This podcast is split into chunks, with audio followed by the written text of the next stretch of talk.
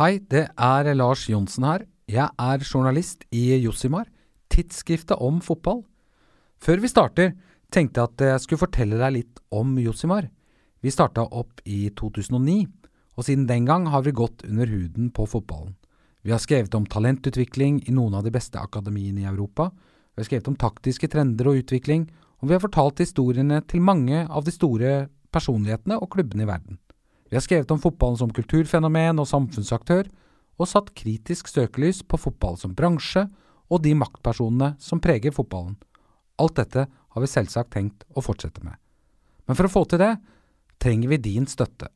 Å støtte kritisk og uavhengig fotballjournalistikk, det gjør du rett og slett best ved å tegne et abonnement på Josimar. Det er enkelt, du går bare inn på abonnement.josimar.no og fyller ut. Og vips har du gitt deg sjøl en ferdigskåra pasning, og du bidrar til bedre fotballjournalistikk. Vai lá, Josimar, na grande área, grande lance, vai bater, atenção, cruzou,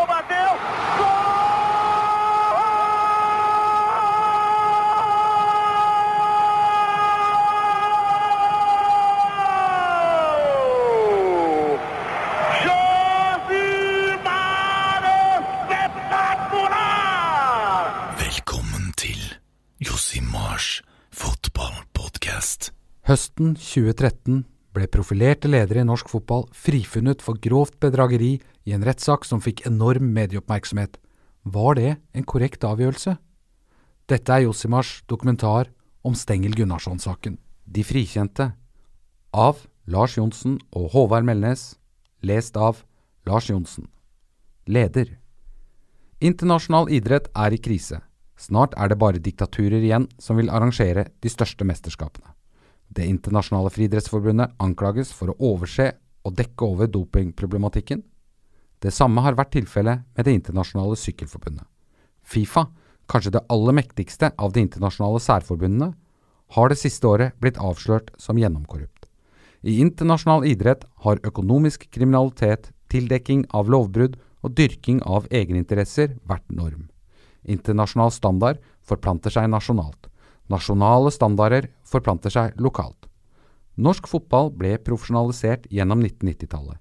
Fra årtusenskiftet kan vi snakke om at norsk fotball var blitt en bransje. Norsk fotball som bransje er ung. Det er ikke unaturlig at bransjen har gjennomgått flere barnesykdommer. Men problemet er at det virker som om norsk fotball ikke ønsker å vokse fra barnesykdommene. Problemstillinger begraves eller feies under teppet.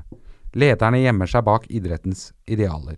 De unge aktiviseres, det skapes vennskap og gode minner du tar med deg resten av livet. Fair play-ånden lever bare i NFF og fotballedernes powerpoint-presentasjoner. Det er kynismen og snarveien til sportslig og økonomisk suksess som rår. De siste årene har det vært gjennomført flere granskninger av norsk fotball. Vinteren 2014-15 skulle NFF granske fotballagent Jim Solbakken etter at Josimar omtalte hans virksomhet i utgave 9 2014. Ingen av våre åpne kilder som kunne legge fram dokumentasjon på regelbrudd, ble kontaktet av NFF. For Solbakken er, tross alt, en som har gitt mange unge nordmenn sjansen til å oppnå proffdrømmen. Etter boka Fotballagenten av Knut Høybråten, der forfatteren skrev om svarte penger i Sogndal den gangen NFF-president Yngve Hallén var leder der, ble det satt i gang en ny granskning. Den ble gjennomført av revisjons- og rådgivningsselskapet BDO. Granskerne fant en mengde brudd på fotballens regler, men Hallén ble frikjent. At det hadde foregått regelbrudd i Sogndal var ikke så farlig, sa Hallén, så lenge det ikke ble gjort for å berike seg selv, men var til idrettsforeningens beste. Omdømmemessig kunne norsk fotball knapt synke lavere enn der vi var høsten 2011. Stabæk og Vålerenga ble beskyldt for å lure unna penger fra den franske klubben Nancy, gjennom å lage en fiktiv opsjonsavtale med den uvitende 15-åringen Herman Stengel. For å skjule den reelle overgangssummen på spissen Veigard Pall Gunnarsson.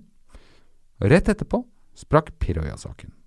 Inntrykket var at norske klubber svindlet, solgte 15-åringer uten at verken 15-åringene eller foreldrene visste om det, samt unndro store summer i skatt gjennom stråselskaper i Baltikum. Under et møte med skattedirektøren besluttet NFF-president Yngve Hallén og visepresident Einar Schultz at alle overganger mellom norske og internasjonale klubber i perioden 2007 2011 skulle granskes av en uhildet part. Styret i NFF fikk kun informasjon om avgjørelsen etter at den var tatt, per tekstmelding. Advokatbyrået Lynx fikk oppdraget med å granske overgangen, men NFF la mange hindringer i veien for granskerne. I et brev sendt Datatilsynet, der de søkte om konsesjon til å behandle sensitive personopplysninger, kommer det fram at granskningen skulle starte 3.9.2012 og være ferdig senest 15.11. På ti uker skulle altså det som viste seg å være 1192 internasjonale overganger, granskes. Det var en umulig oppgave. Å utarbeide mandatet granskerne skulle jobbe ut fra, tok lengre tid enn det som ble satt av til selve granskningen. Og mandatet ble endret underveis. Det tok lang tid før granskerne fikk tak i overgangspapirene, og granskerne fikk heller ikke regnskapsmaterialer fra klubbene eller klubbenes samarbeidende selskaper. Lynx-granskerne ba om regnskapsmateriale flere ganger, men fikk til svar at det kunne ikke NFF kreve av klubbene, siden det er klubbene og AS-ene selv som eier sine egne regnskaper. Det står i lisensbestemmelsene til NFF at de kan kreve å få dette oversendt av alle lisensierte aktører, noe NFF selv hadde oppgitt til granskerne på forhånd. Men granskerne fikk det ikke. Med kort tid og lite materiale ble det prioritert hardt. Granskerne endte med å gjennomgå 19 overganger og fant mange tegn på grov økonomisk kriminalitet i norsk fotball. I overgangene Lynx undersøkte, fant de gjennomgående mangler i bokføring, mulige skatteunndragelser, utbetalinger av overgangssummer fordekt som høye agenthonorarer, total mangel på kontroll over pengestrømmen, sammenblanding av roller mellom klubber, AS og tredjepartsselskaper. Ut fra Lynx-rapporten kan man lese at lovbrudd og kreativitet hadde vært gjennomgående i norsk fotball i mange år. Rapporten gir inntrykk av utstrakt cowboykultur. Der stoppet det. Granskerne fikk ikke tid eller ressurser til å grave videre. På en pressekonferanse 28.2.2013 presenterte Yngve Hallén rapporten, og frikjente norsk fotball. Den fullstendige rapporten er det bare noen få mennesker i toppen av Fotball-Norge som har sett. Den ble hemmeligholdt for resten, begravd, feid under teppet. Lynx-rapporten kunne ha vært en måte for norsk fotball å kvitte seg med barnesykdommene på, men norsk fotball ville ikke det. Det var Stengel Gunnarsson-saken og det høye medietrykket som fulgte, som var bakgrunnen for at fotballen ville granske seg selv. Var overgangssaken økonomisk kriminalitet? En kreativ løsning, eller ingen av delene? I denne utgaven kan du lese vår dokumentar om overgangssaken.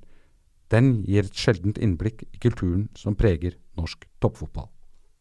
Innledning Treningsøkta til Stjernan avsluttes med skuddtrening. Veigar Pall Gunnarsson plasserer flere baller lekkert i lengste hjørne, og viser noen av ferdighetene som gjorde ham så ettertraktet sommeren 2011, da to av Norges største klubber kjempet om underskriften hans. Den gang var han spilleren Veigard Pall Gunnarsson. Noen måneder senere skulle han bli saken Veigard Pall Gunnarsson. Han ble solgt fra Stabæk til Vålerenga for 1 million kroner i juli 2011, til tross for at Rosenborg hadde kommet med flere, og høyere, bud på den islandske spissen, og til tross for at Veigard Pall Gunnarsson selv helst ville gjenforenes med Jan Jønsson i Trondheim. Samtidig solgte Stabæk en kjøpsopsjon på den 15 år gamle midtbanespilleren Herman Stengel til Oslo-klubben. En spiller bare de mest innvidde entusiastene av aldersbestemt fotball visste hvem var. Opsjonspremien kostet Vålerenga fire millioner kroner. Etter fem framgangsrike år i Stabæk ble Veigard Pall Gunnarsson solgt til franske Nancy etter gullsesongen i 2008 for 1,2 millioner euro. Omtrent 10 millioner kroner. Oppholdet i Frankrike skulle ikke bli noen suksess, og før 2010-sesongen hentet Stabæk islendingen tilbake for 600 000 kroner. Nancy hadde sikret seg en klausul i kontrakten.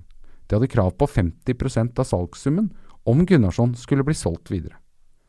Stabæk hadde i flere år levd over evne og kjempet en konstant kamp for å beholde klubblisensen. Det var overhengende fare for at klubben kunne følge Lyns skrekkeksempel – konkurs og nedrykk. Stabæk-ledelsen visste at de befant seg i en desperat situasjon. Det handlet om klubbens framtid. Den sportslige suksessen de siste årene hadde kommet med en stor kostnad. I 2009 var lønnsutgiftene til spillerstall og trenere på 60 millioner kroner. I løpet av 2011 måtte de kutte ned til 15 millioner kroner. På to år forsvant 75% av lønnsbudsjettet. Høsten 2011 sprakk overgangssaken. NFFs eget etterforskningsorgan, Påtalenemnda, skulle noen uker seinere komme fram til at opsjonspremien på tenåringen Herman Stengel hadde vært en måte for Stabæk å kamuflere den reelle overgangssummen til stjernespissen Veigar Pall Gunnarsson. Den konklusjonen var en av grunnene til at politiet startet etterforskning. Omtrent ett år senere, 17. oktober 2012, ble fire prominente norske fotballedere tiltalt.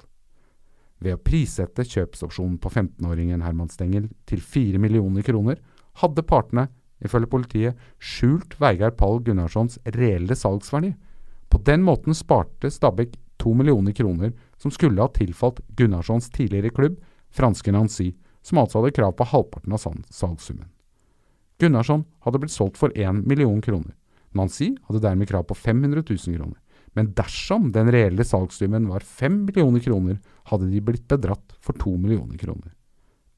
Ti måneder senere Senere, 19.8.2013, startet den mest medieomtalte rettssaken i norsk fotball noensinne i Asker Bærum tingrett. Sportsdirektør i Vålerenga, Truls Håkonsen, sportssjef i Stabæk, Inge André Olsen, styreleder i Stabæk Fotball AS, Lars Holte Sørensen, og Tor Q. Aasrød, styremedlem i Stabæk Fotball AS, sto tiltalt for grovt bedrageri med en strafferamme på seks års fengsel. 12.9 falt dommen. Full frikjennelse for de fire fremtredende fotballederne. 30.9.2015 ble det kjent at Stabæk saksøker staten ved Justis- og beredskapsdepartementet for 9,8 millioner kroner. Klubben mener staten må kompensere for de negative økonomiske konsekvensene som ble påført Stabæk fotball ved den urettmessige straffeforfølgelsen. Den saken skal opp i Asker Bærum tingrett i slutten av april. Men var det en korrekt kjennelse da de fire fotballederne ble frikjent for bedrageritiltalen?